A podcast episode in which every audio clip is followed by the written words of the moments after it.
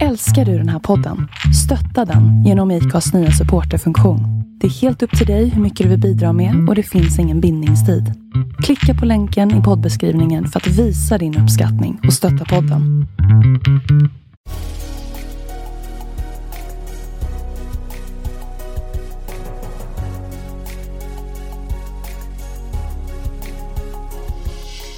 Välkommen till podden Vart är vi på väg? I denna podd intervjuar vi sociala entreprenörer och andra personer som är involverade i ekosystemet kring socialt entreprenörskap. Vi vill ge dig som lyssnare tips och inspiration till hur innovativa idéer och entreprenörskap kan vara lösningen på de samhällsutmaningar som vi står inför. Vi vill även inspirera människor till en livsstil med hållbara vanor och vi vill självklart lyfta fram alla fantastiska sociala entreprenörer i rampljuset.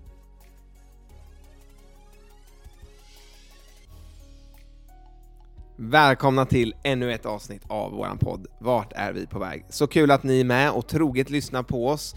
Och Jonathan, december är här, snön ligger på marken, lamporna börjar lysas upp. Hur är din känsla kring det? Ja, men jag älskar ju verkligen vintern och snön som får ändå ligga kvar lite här på gatorna och lysa upp våran vardag, precis som våra gäster får göra här i podden Vart är vi på väg? med alla positiva affärsidéer på olika sätt. Ja men verkligen, det är en ynnest att få jobba med det här och få sprida de här äh, otroliga innovationerna som finns där ute. Det här är ett specialavsnitt som görs i samarbete med Mötesplats Social Innovation som förkortas MSI som är den samlande nationella kunskapsplattformen för social innovation i Sverige. MSI följer den svenska och internationella utvecklingen inom fältet social innovation och ser till att kunskap och erfarenheter utvecklas, delas och kommer till användning. I samverkan mellan akademi, näringsliv, offentliga och ideella aktörer bygger de kapacitet för innovation som möter samhällsutmaningar. MSI skalas nu upp och etableras över hela landet genom ett samarbete mellan Jönköping University, Luleå tekniska universitet, Malmö universitet, Stockholms universitet, Umeå universitet och Örebro universitet. Den nationella etableringen genomförs med stöd från Vinnova och ska öka kunskapen och skapa mötesarenor för att främja social innovation, socialt entreprenörskap och socialt företagande. MSI tillsammans med Malmö stad och Malmö universitet organiserar årligen Social Innovation Summit i Malmö, Nordens största mötesplats för social innovation. På morgonen den 12 november innan Social Innovation Summit körde igång anordnade MSI i Seed en Impact Arena om preventiv hälsa. Här samlades 100 personer för att bygga nya relationer samt stärka kunskapen om hur olika samhällsaktörer samarbetar kring samhällsförändrande investeringsformer för hälsofrämjande syften utifrån sina olika perspektiv, drivkrafter och erfarenheter. Detta är ett mycket intressant samtal för alla er att lyssna på och vi får lära oss hur förebyggande insatser kan ha en enorm impact på framtida utmaningar. Så häng med oss idag så kör vi! Det gör vi! Först ut i panelen var Margareta Remgård som är forskare på Malmö universitet där hon jobbar med att utveckla det som heter participatorisk forskningsmetod som handlar om att involvera medborgare och hon gör det genom projektet Jämlik hälsa där hon också är projektledare. Här berättar hon mer om arbetet med detta projekt. Jämlik hälsa handlar om eh, att vi har ett, ett forskningsprojekt som, eh, eh, som, som finns ute i det vi kallar socialt eh, sårbara områden i staden. Eh, och då är det viktigt att involvera medborgare i det här. Eh, och eh, de här metoderna de handlar ju om att man gör saker tillsammans. Det handlar om att man eh, också ser på kunskap på ett annat sätt. Ofta är det så att vi kommer med en idé till människor och sen så frågar vi dem om vad de tycker om den här idén eller också har vi en idé om hur man ska kunna förebygga hälsa. Men det här är lite grann tvärtom, alltså det är att vi utgår ifrån människors egna behov och då ska de vara med i processen och utveckla det här själva tillsammans med olika aktörer. Men det handlar ju om att alla sektorer i samhället ska involveras för att det här är stora samhällsutmaningar vi pratar om och då måste hela samhället vara med och då är det både eh, offentlig sektor, privat sektor, idéburen sektor men också medborgarna. Och alla har lika stor del i det här. Och det handlar lite grann också om maktförskjutningar och så, så att alla får vara med och vara delaktiga i de här processerna. Om, om, man, om man nu ska ut på djupvatten så kan man lära människor att simma eller man kan ge dem en flytväst. Och här handlar det om att lära människor att simma. Och det är promotivt arbete i det, i det preventiva. Och vad, vad, är det då som man åstadkommer? Jo, man åstadkommer också att människor är delaktiga och är med och att de får en tillit till sin egen förmåga. Det är skillnad att ha flytväst på sig än att kunna simma själv. Och de här labben som vi har, eller de här co-creative labs som egentligen kallas verkstäder ute hos oss, för det passar den befolkningen bättre att kalla det det.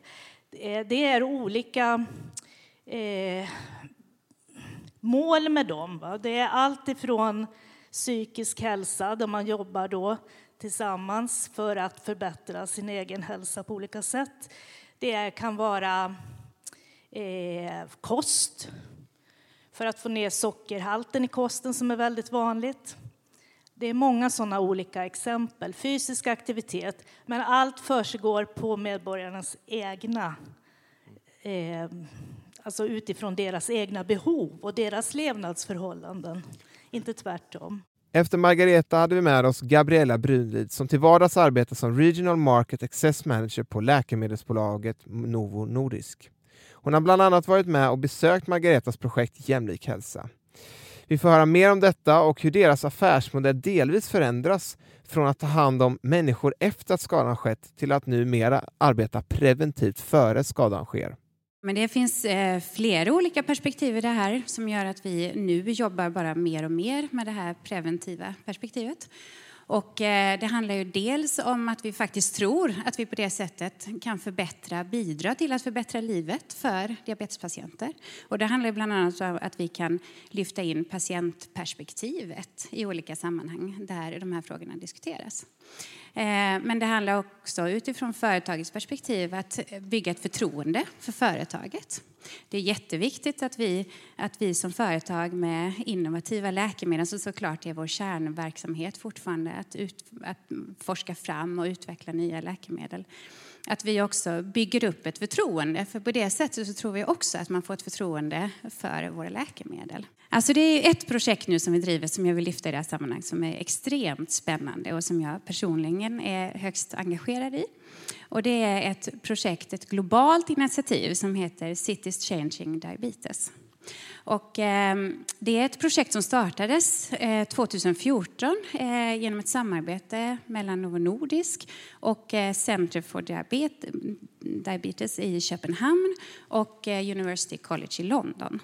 Där man såg att eh, eh diabetes eh, ser vi ju, prognosen för utvecklingen av diabetes är ju eh, alarmerande idag i världen. Eh, men där diabetes eh, framför allt ökar är ju i städer. Så då sa vi att kan vi göra en insats i städerna så vore det en, en väldigt stor vinst för alla parter. Ehm, och det man såg då var att eh, det vi ska göra är att liksom arbeta med ett brett partnerskap, samarbete. Eh, och det som är nytt och unikt för det här projektet är att vi försöker hitta nya lösningar, det vill säga nu när vi sitter många fler parter runt samma bord.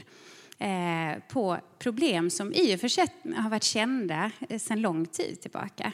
Och där tittar man bland annat på diabetes. En av de absolut största riskfaktorerna är övervikt och fetma i samhället. Och det här blir då ett partnerskap i städerna. Idag ingår ju över 20 städer i det här programmet. Världsstäder som Mexico City, Shanghai, Köpenhamn är med och så vidare. Eh, och där, där man faktiskt har ett samarbete mellan eh, akademi, Eh, städer, stadsdirektörer, stadsplanerare, arkitekter och så vidare. Och eh, patientföreträdare naturligtvis, och Röda Korset motsvarigheter, Rädda Barnen och så vidare. Men också näringslivet eh, till exempel. Så att det här är ju jätte, jätte viktiga projekt och som faktiskt har lett till väldigt konkreta initiativ. Nästa paneldeltagare var Claes Ramel som är finanschef på Malmö stad. Här berättar han mer om vad han jobbar med och stadens arbete med att ta fram sociala obligationer. Staden som växer väldigt kraftigt har väldigt stora behov att investera. Det kan handla i allt från infrastruktur till eh, bostäder och, och, och eh, skolor så här årligen. Och de pengarna har vi inte löpande i vår budget utan det är saker som vi behöver lånefinansiera. Och eh, då, då är det inte Eh, så enkelt att en kommun kan välja att lånefinansiera insatser. Utan vi, vår, vår möjlighet och våra eh, vår möjlighet att påverka här det handlar om att vi kan lånefinansiera fasta investeringar, fysiska saker. Och då på det sättet kan man kanske tänka sig att investeringarna på sikt kan facilitera för insatser.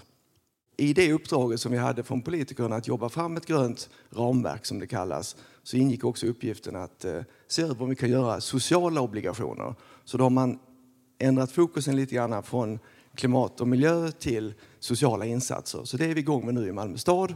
Vi har bett om input från våra kollegor i olika förvaltningar och bolag som staden äger. Om hur ser ni på en social obligation? Vad är en social investering för er?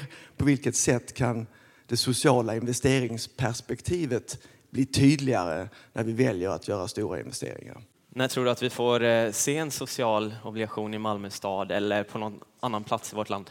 För vår del så tror jag det tar lite tid ändå. Vi, vi, det är rätt så långsamma processer när du ska ut på remiss till 15 olika aktörer och tillbaka och sen upp igen till politiken för, för eh, ställningstagande och så. Så att får vi positiv feedback och allting går som vi hoppas så, så kanske ja, till sommaren att vi har liksom ett klartecken att, att eh, försöka skapa någonting eh, mer hands-on och, och få ett sånt här socialt ramverk på plats. Sociala utfallskontrakt är ett sätt att finansiera preventiva insatser. Och med oss i panelen hade vi även Thomas Bokström som till vardags arbetar som projektledare för Social Health and Impact Center på RISE där han bland annat jobbar med sociala utfallskontrakt. Det första sociala utfallskontraktet i Sverige genomförs just nu i Norrköping och Thomas berättar mer om det här som följer. Vad är ett socialt utfallskontrakt? Ja, det handlar ju mycket om det här som, som vi varit inne lite på, att hur, hur, får man till det här preventiva tänkandet och hur ställer man om systemen till, till ett mer preventiv förmåga om man säger så. Eh, och vi fokuserar ju då på offentlig sektors omställning, för vi tror att det är en viktig del för att sen tillsammans med andra aktörer jobba fram nya lösningar. Eh, samtidigt vi jobbar självklart med andra aktörer också, men vårt fokus är att hjälpa offentliga aktörer att, att göra den här omställningen då, och testa nya modeller. Sociala utfallskontrakt är en variant. Eh, och det det handlar om är egentligen att man definierar ett gemensamt mål, precis som du var inne på, att det är en viktig eh, utgångspunkt. Eh, tydligt mätbart mål som alla aktörer kan ställa upp på, ställa sig bakom och jobba emot och där man också känner att om det blir bra så vinner alla aktörer och blir det dåligt så förlorar alla aktörer. På så sätt försöker man liksom aligna, som man säger då, eller likrikta incitamenten på något sätt för om det är en kommun, om det är olika eh, förvaltningar inom en kommun tillsammans kanske med privata utförare, eventuella investerare och så vidare. Eh, så utfallskontraktet är egentligen inget annat än ett någon slags ramverk eller ett avtal som tydligt definierar vad det är som man vill göra, hur ska man, varför liksom, och, och, hur ska man mäta om det blir bra? Eh, och vad är liksom fördelningen av ansvar och risk om man säger så mellan aktörer? Eh, och sen är styrningen också väldigt viktig. Att alla, det ska finnas en transparent eh, styrmodell för att annars kan man inte riktigt veta om man faktiskt rör sig mot samma mål. Eh, och det är egentligen det vi också gör då som intermediär, både det vi gjorde på SKL och det vi gör på RISE nu. Det är att vi förser alla aktörer med rätt underlag för att de ska känna sig trygga med att vi faktiskt vet, alla vet vart vi är på väg någonstans. Eh, och om man då behöver göra justeringar, vilket man alltid behöver göra. Det går aldrig att liksom bara genomföra ett projekt och tro att nu kommer det liksom rulla av sig självt. Det spelar ingen roll egentligen hur mycket evidens och så som finns i grunden. Det kommer alltid vara massa implementeringshinder. Särskilt om det är många aktörer, om det är tvärsektoriellt. Och då gäller det att ha det här trycket på att både att man har de här incitamenten men också att någon kan förse med rätt relevanta underlag som, som gör att man kan optimera och justera över tid. Mm.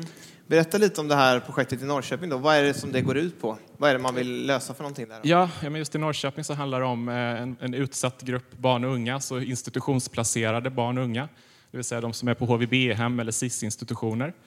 Eh, och bakgrunden var att man såg att det fanns stora bekymmer med eh, som säger, utvecklingen för den här gruppen i Norrköping, men generellt i Sverige egentligen. Att, eh, det blir lätt eh, att man fastnar man kan säga en slags placeringskarusell, där man kommer in i placering och sen så kanske det inte är riktigt adekvata koordinerade insatser och då är det stor risk att man liksom kommer ut och sen kommer in och kommer ut och håller på sådär.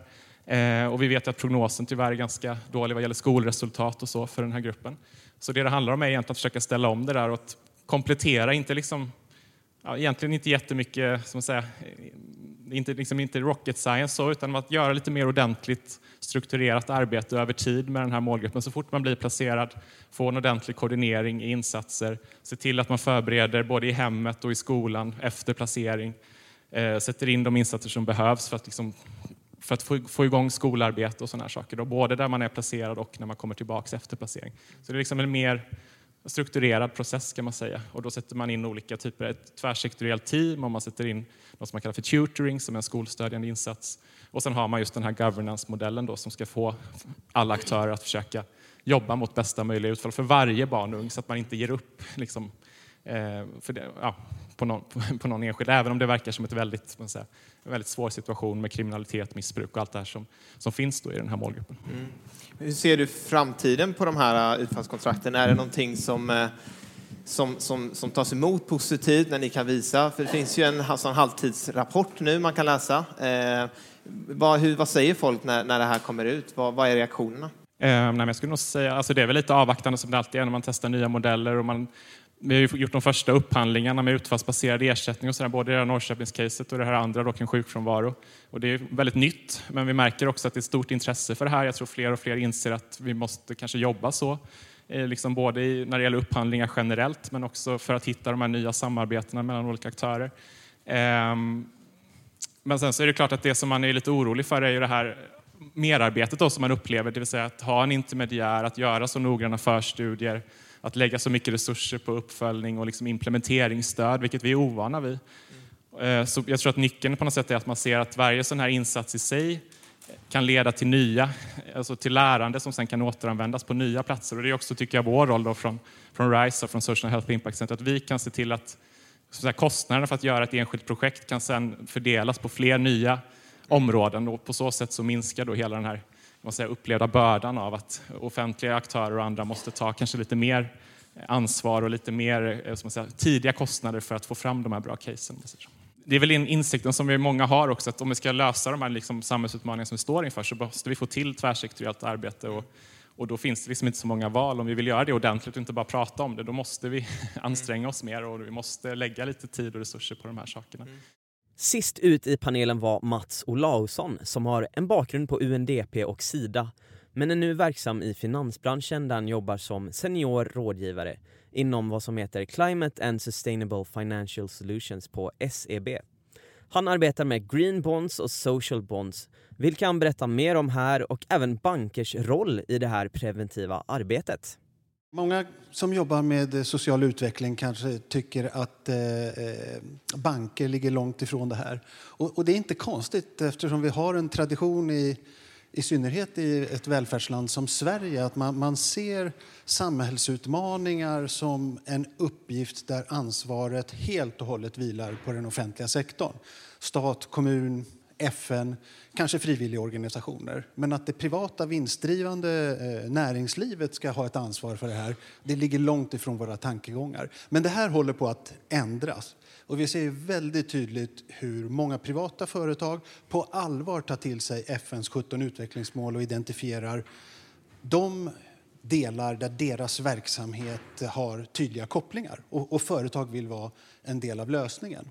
Eh, och det började vi se eh, när eh, Världsbanken gav ut den första gröna obligationen för ungefär tio år sedan. Det var svenska investerare som uttryckte ett intresse för att återspegla miljö och klimatfrågor när de köper obligationer för att förvalta våra pensionspengar och så vidare. Då var det väldigt innovativt. Idag har den delen av finansmarknaden vuxit så det knakar. Och I Sverige idag så är en femtedel av alla obligationer som, som företag och kommuner ger ut, en femtedel av dem är gröna. Så det här har verkligen tagit sig hela vägen in på finansmarknaden. Under de senaste två, tre åren så är det fler och fler, framförallt investerare, som, som tittar på den här förkortningen ESG, Environmental, Social and Governance och konstaterar att nej men, miljöfrågorna de, de har många privata företag och investerare nu integrerat i sina affärsstrategier. Hur är det med S då? Är det någonting som, som berör oss, som vi borde försöka adressera och bidra där det är relevant för oss. Och så är det till exempel med eh, finansbranschen. Men frågan är vad, vad ska finansbranschen bidra med? Ja, det är naturligtvis de frågor när det saknas pengar.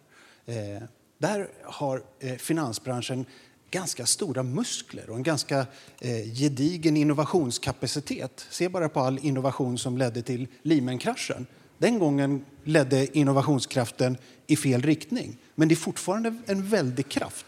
Och när vi ska adressera samhällsutmaningar och det finns brist på pengar för att realisera goda långsiktiga idéer, då har finansmarknaden en funktion att fylla och så får vi säkerställa att innovationskraften leder i rätt riktning. Och ett sånt, jag menar, temat för den här panelen med välfärdsfrågorna, det är ju ett utpräglat eh, sånt ämne där vi vet på, med all god forskning som finns ifrån eh, universitet och, och eh, landsting och kommuner och SKL som visar att vi vet vilka åtgärder som borde vidtas men det kanske kommer dröja 5, 10, 20 år innan de resulterar i kostnadsbesparingar som kommer att återbetala insatsens initiala kostnader många gånger om. Hur är det möjligt att vi låter bli att genomföra den typen av projekt och investeringar? Och här, när det gäller att diskontera framtida värden, det är ju ett område där finansbranschen har en gedigen erfarenhet. Och jag tror att vi kan vara med och vara en pusselbit i en samverkan. För här kommer det krävas att flera olika aktörer bidrar och jobbar hårt, visar mod att, att våga pröva nya sätt att jobba om vi ska lyckas adressera de här samhällsutmaningarna. Och, och eh, min bild är att både den privata sektorn och finansbranschen i stor utsträckning är redo att, att bidra med sitt engagemang och sin kapacitet. Mats avslutade och summerade första delen av denna panel väldigt bra när han säger och påstår att den privata sektorn och finansbranschen nu är redo att prova nya sätt att jobba på för att tackla olika samhällsutmaningar. Det som även var tydligt och var som en röd tråd från alla är att det nu krävs samarbete mellan olika sektorer och att alla är en viktig pusselbit för att lyckas med det preventiva arbetet. Nu går vi vidare in i del två av panelsamtalet där panelen diskuterade och besvarade olika frågeställningar som kom upp från publiken. Första frågan som kom upp var Vad behöver göras från de olika sektorernas sidor för att mötas och lyckas framgångsrikt med tvärfunktionellt samarbete? Först ut ger Margareta sin syn på detta för att sedan följas upp av de andra. Med de metoderna som vi jobbar så är det oerhört viktigt. Vi jobbar ju ute med, med grupper av människor som annars kanske inte kommer till vårdcentralerna, inte kommer till hälso och sjukvården och det Gabriella pratade om inte når eh, behandling för till exempel diabetes förrän det är för sent nästan att förebygga någonting. Och, och då, måste man, då måste man skapa tillit till medborgarna och man måste involvera dem.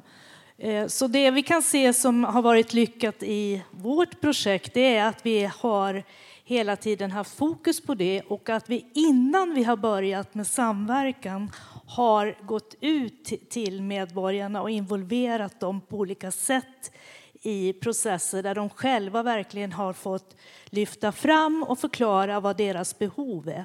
Så att liksom ramen blir behov styrd. Det är jätteviktigt. Ja, jag håller helt med om det. Jag kan bara fylla på. När vi, vi pratar om att surra alla aktörer runt masten, det är ett sätt som vi liksom försöker som säga, förklara vad vi menar med utfallsfokus och utfallskontrakt och sådär. Och då har vi liksom fyra delar som vi tycker är viktiga.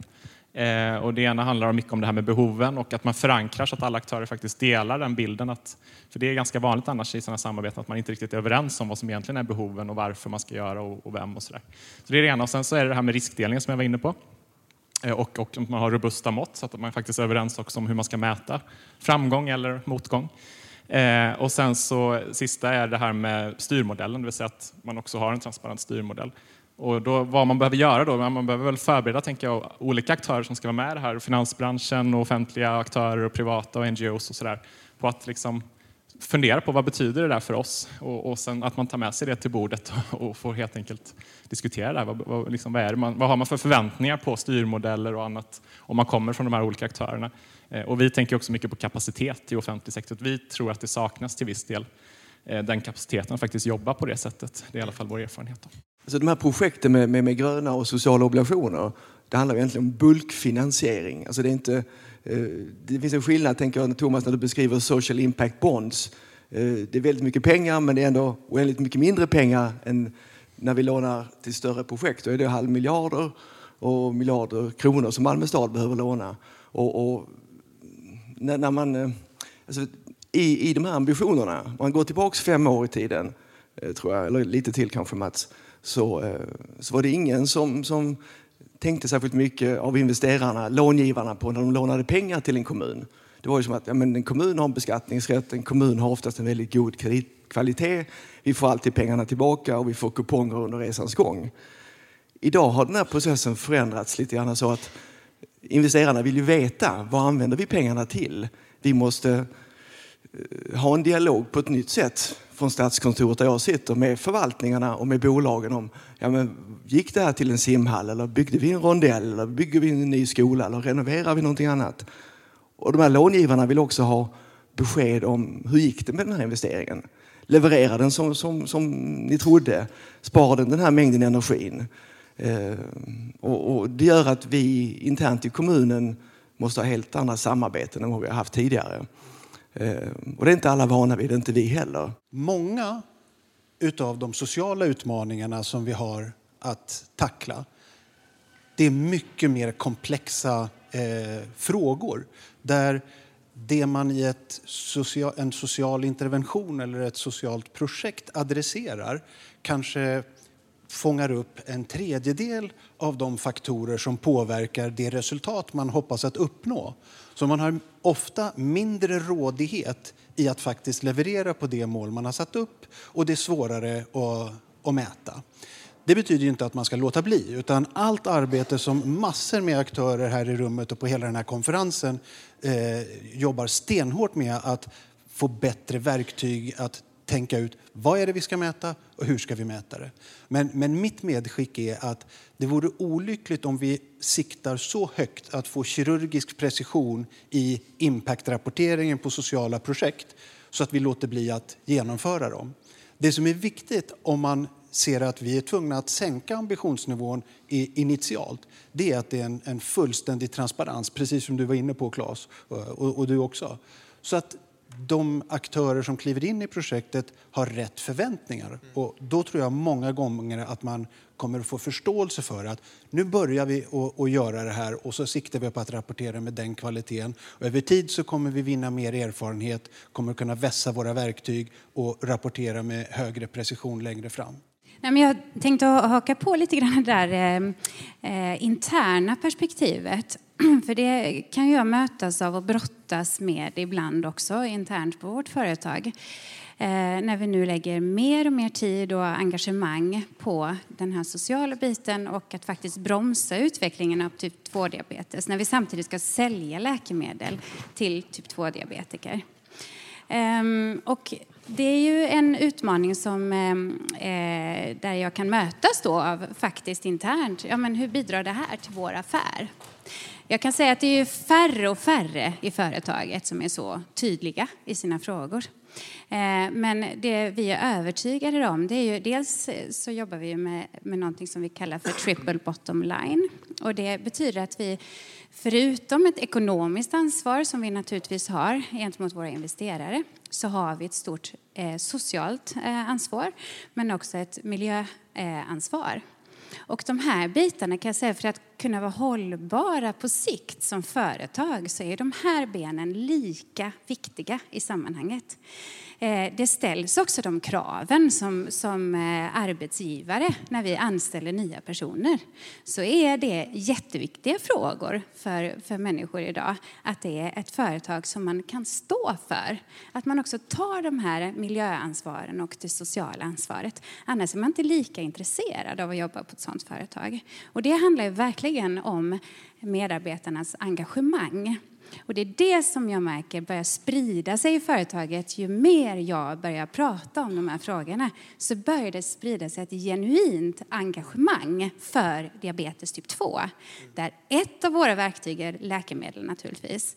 Men det andra är ju de här typen av samarbeten och projekt där vi verkligen bidrar till en hållbar utveckling både för företaget och för samhället i stort. Så det är vår enda väg framåt som företag. Nästa fråga som kom från publiken och som Gabriella var först ut med att ge sitt svar kring var Vad finns det för glasväggar eller tak som håller tillbaka näringslivets involvering i att skapa samhällsnytta? Ja, nu representerar jag kanske då en, en, bransch som har en historik som gör det kanske extra tydligt då. Där vi eh, med respekt för det som har hänt, alltså vi bär ju med oss en ryggsäck som heter duga. Och det gör att där är det helt klart en, eh, ibland kallas det för beröringsskräck. För att eh, vi är, har traditionellt sett varit lite grann någonting som katten har släpat in och man vill inte ha för mycket med läkemedelsindustrin att göra för att vi vet inte hur det påverkar våra beslut och så vidare. Eh, så det är någonting som ofta gör att vi har en ganska lång väg resa att göra. Lite olika, till exempel i olika delar av landet och så. Beroende på hur långt man har kommit liksom, i den dialogen. Eh, men det som är spännande nu det är ju liksom att man ser ehm, att, att vi faktiskt eh, har väldigt mycket expertis och kunskap i våra företag som kan bidra till att hitta de här bredare lösningarna. Och det är ju faktiskt någonting som har utnyttjats då på grund av allt det här andra som traditionella sättet vi har arbetat på som inte alls fungerar idag och knappast kanske då heller egentligen. Men det gör ju att, eh, att, vi, att den här kunskapen som har funnits i företag eh, och expertis faktiskt inte har utnyttjats. Väldigt lite i alla fall. Nu kan vi, till exempel då som Novo Nordisk som har haft sin kärnverksamhet inom diabetes och där vi har jobbat med diabetes i hundra år. Vi har en enorm kunskap både om diabetesområdet men också utmaningar och möjligheter. Och det kan vi nu sitta runt samma bord som beslutsfattare. Politiker, tjänstemän, patientföreträdare och så vidare. Och faktiskt bidra till hur vi ser att samhället skulle behöva, vad det finns för behov och så vidare. Eh, och det tycker jag är fantastiskt. Det är en resa som har inte varit lätt, men nu börjar vi liksom också bli inbjudna att sitta runt samma bord. Och det är en jättestor förändring. Som svar på Pers fråga skulle jag vilja peka på två eh, barriärer.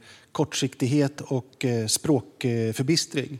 Det är klart att närings, privata företag de ska sträva efter att maximera vinsten och på så sätt kan de bidra till att ekonomin växer, skatteunderlaget växer. Men om man tänker i kvartal, kvartalskapitalismens anda, då kommer värdet av att adressera eh, miljöfrågor och sociala frågor inte att komma in i ekvationen. Men det vi ser hända nu det är ju att fler och fler företag tänker mer långsiktigt. De förstår att de kommer vilja maximera vinsten om 20, 30 och 40 år också. Och om det ska lyckas då är det mycket bättre om de opererar i, på en planet som fortfarande kan andas där samhällena inte har slitits itu av motsättningar på grund av segregation och, och ojämlikhet. Så det ligger i deras långsiktiga egenintresse. Och det är väldigt viktigt att det för företagen inte blir en konflikt med aktieägarnas legitima rätt till att hoppas på att de ska få en vinst. Vi vill att företagen ska jobba så. Tänker man långsiktigt, då blir det ingen konflikt utan då är det helt Eh, rimligt att man också lägger tid och resurser och bidrar med sin kompetens och erfarenhet för att adressera olika samhällsutmaningar. Och det andra med språkförbistringen, det, det faller ju tillbaka på, på det jag försökte hävda att eh, vi har länge sett att alla de här samhällsfrågorna det är den offentliga sektorns ansvar. Vi behöver inte bry oss.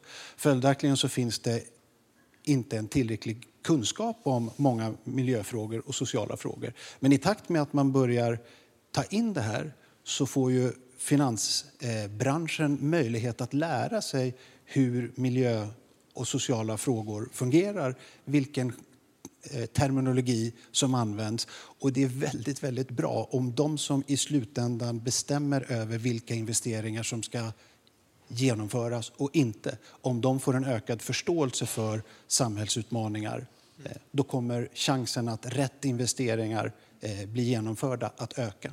Och gröna obligationer, en av gröna obligationers största värde är just att banker, försäkringsbolag, pensionsförvaltare nu har en mycket större kompetens och förståelse för inte bara risk och avkastningskonsekvenser av olika investeringar utan även miljökonsekvenserna. Jag tänker att det finns en annan dimension i det här också. Eh, näringslivet ska ju då eh, Eh, utveckla produkter och tjänster och eh, behöver då veta vad det är för produkter och tjänster som behöver utvecklas. Så i, eh, det finns alltså ett behov av att komma nära det som man kallar användare av våra produkter och tjänster. Så där är ju också näringslivet så en viktig part i sådana här projekt. Fråga nummer tre var en tvådelad fråga som dels handlade om effektmätning och dels vad man har sett för resultat hittills. Först besvarade Thomas frågan kring om det finns någon standard för hur man mäter effekten av sociala satsningar. Därefter följde Margareta upp med att beskriva exempel på hur de i sitt projekt i Lindängen i Malmö har mätt effekten i några av sina olika projekt med jämlik hälsa. Jag skulle säga nej, det finns ingen standard, eh, utan det finns massa principer för att hålla sig till och vi har varit inne på dem. Eh, men det handlar ju precis om, utmaningen är ju precis som du var inne på Mats, det här att hur ska vi veta att just den här avskilda ändå, som det alltid blir i någon mening, satsningen, är det, i vilken mån den bidrar till en förändring som man eventuellt kan uppmäta oavsett. Så det är liksom det som blir komplexiteten här. Att det är många saker som påverkar och vi vet inte alltid vad som påverkar vad. Eh, och det måste man ta hänsyn till. Som i, i, i frågor om standard så, så handlar det om att ja, man måste ta hänsyn till de faktorerna. Och det finns massa olika idéer om hur man gör det. Vissa är väldigt ambitiösa från så här randomiserade studier där man verkligen ser till och, och verkligen bara tar ut, tar ut effekten av, av den satsning man gör till mycket mer som man säger, enklare varianter där man gör kvalitativa ansatser, man har olika resonemang om effekter och hit och sådär. Men det viktiga är väl att vara väldigt öppen med vad man gör, hur man tänker och att inte ta i för mycket heller, för det blir genast, som man, säger, man minskar verkligen trovärdigheten om man säger att vi kommer förändra världen med vårt projekt. Eh, det är liksom, tror jag är fel utgångspunkt, utan börja i andra änden snarare och sen kanske man kan addera lite allt eftersom man lär sig. Bara för att fylla på det lite så, um, Alltså risken är väl att om man verkligen trycker på det att man måste ha kvantitativa mått, då kan det driva mot att man mäter mer output snarare än effekt. Eh, och då gäller det väl att komma tillbaka till något som vi kallar för förändringsteori, det vill säga vad är det egentligen man vill påverka för någonting? Och hur kan man förstå om man faktiskt har påverkat det? Och det kan ju vara både under processen, men sen också i något slags slutligt, någon förändring hos den målgrupp som man jobbar med. Och då måste man ju ändå försöka fånga det på något sätt i mått. Eh, så det, det, är väl bara det man ska vara observant på. Att de, och det ser vi lika mycket inom kommuner som antar inom näringsliv. Att när man har ett väldigt tryck på kvantitativa enkla mått så blir det risk att man mäter output. Eh, och det vill vi försöka undvika här eftersom vi ändå pratar om effekt och utfall och sådana saker. Vi mäter ju effekter på olika sätt. Mm. Det som är viktigt här är att också följa processerna, alltså så att man ser vad är det för någonting som skapar förändringarna, för det är ofta inte det man tror. Så att man följer processerna hela tiden med samverkan, till exempel mellan parterna, vad det är som gör att vi kommer vidare i de processerna. Och, så, och, och det är en viktig del av det här.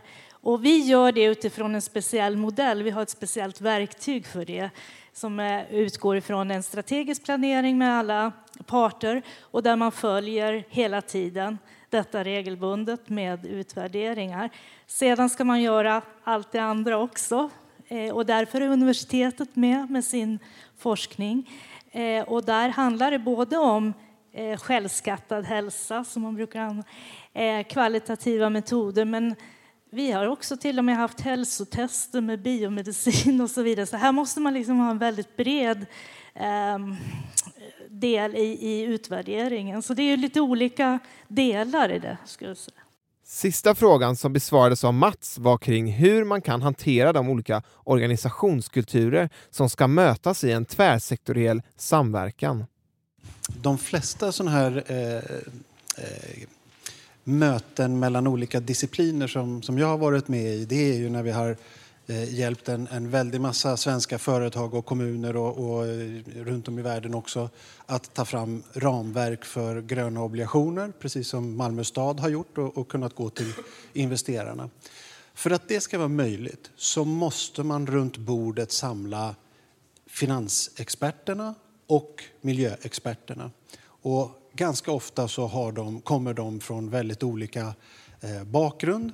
Och det är regel snarare än undantag att det är första gången som de sitter runt samma bord fast de har jobbat på samma företag eller i samma kommun i en herrans massa år. Och jag måste bara få dela med mig av en, en liten anekdot. Göteborgs stad var den, den, första kommunen i världen som gav ut gröna obligationer. Och när finanschefen hade varit hos oss på SEB i Stockholm och på ett seminarium om gröna obligationer på tåget hem så tänkte han att men herregud, vi måste ju ha en massa miljöinvesteringar också så att vi kanske skulle kunna tydliggöra det och ge ut en grön obligation och skulle bli då den första i världen. Men han konstaterar att jag har ju ingen aning om vad, vad det är för investeringar. Men undrar om vi har någon miljöchef här på kommunen? Det kanske vi har. Och så slog han upp i registret och det visade sig att miljöchefen satt väl på våningsplanet under och hade jobbat där, käkat lunch i samma matsal i en massa år, aldrig träffat. Och han var jätteengagerad. Så finanschefen sa till miljöchefen, du, vi måste träffas för vi har stora emissioner på gång här, det är jättekul. Och miljöchefen sa, åh, stora emissioner! det är den eh, språkförbistringen vi har att börja med. Så att där måste man komma till bordet ödmjuk inför det och att det finns många andra som har väldigt mycket kunskap att bidra med och sen så eh, med beslutsamhet se till att samarbeta för att finna lösningar, ibland på innovativa sätt. Vi avslutar nu med denna insikt och uppmaning att vi alla, där vi är i våran vardag på våran arbetsplats, kan börja med att se vilka vi har i vår organisation och hur vi kan ta ett första steg mot att bidra till att jobba med samhällsförändrande insatser. Tack för att du lyssnat och hoppas att du fått med dig nya insikter och lärdomar. Det har vi garanterat fått och vi ser fram emot utvecklingen av preventiva insatser i framtiden. Vi hörs igen nästa vecka. Hej då! Tack så mycket för att du har lyssnat på dagens avsnitt. Glöm inte bort att följa oss i sociala medier. Vi finns på Facebook, Instagram och LinkedIn och även vår hemsida vartarvipavag.org. Och om du har möjlighet så får du jättegärna gå in och ratea våran podd på iTunes. Yes, och för dig som vill ta del av podden ytterligare så tycker jag att du ska gå in och signa upp dig för vårt nyhetsbrev där du varje vecka får en liten kort resumé av avsnittet men också de bästa tipsen och de bästa insikterna från gästen som vi har haft med oss. Eh, så om du har varit ute på språng och inte haft möjlighet att anteckna något så gör det ingenting utan du får det på ett mail veckovis. En riktigt bra deal helt enkelt. Så se till att signa upp dig så fort som möjligt så ses vi nästa vecka igen.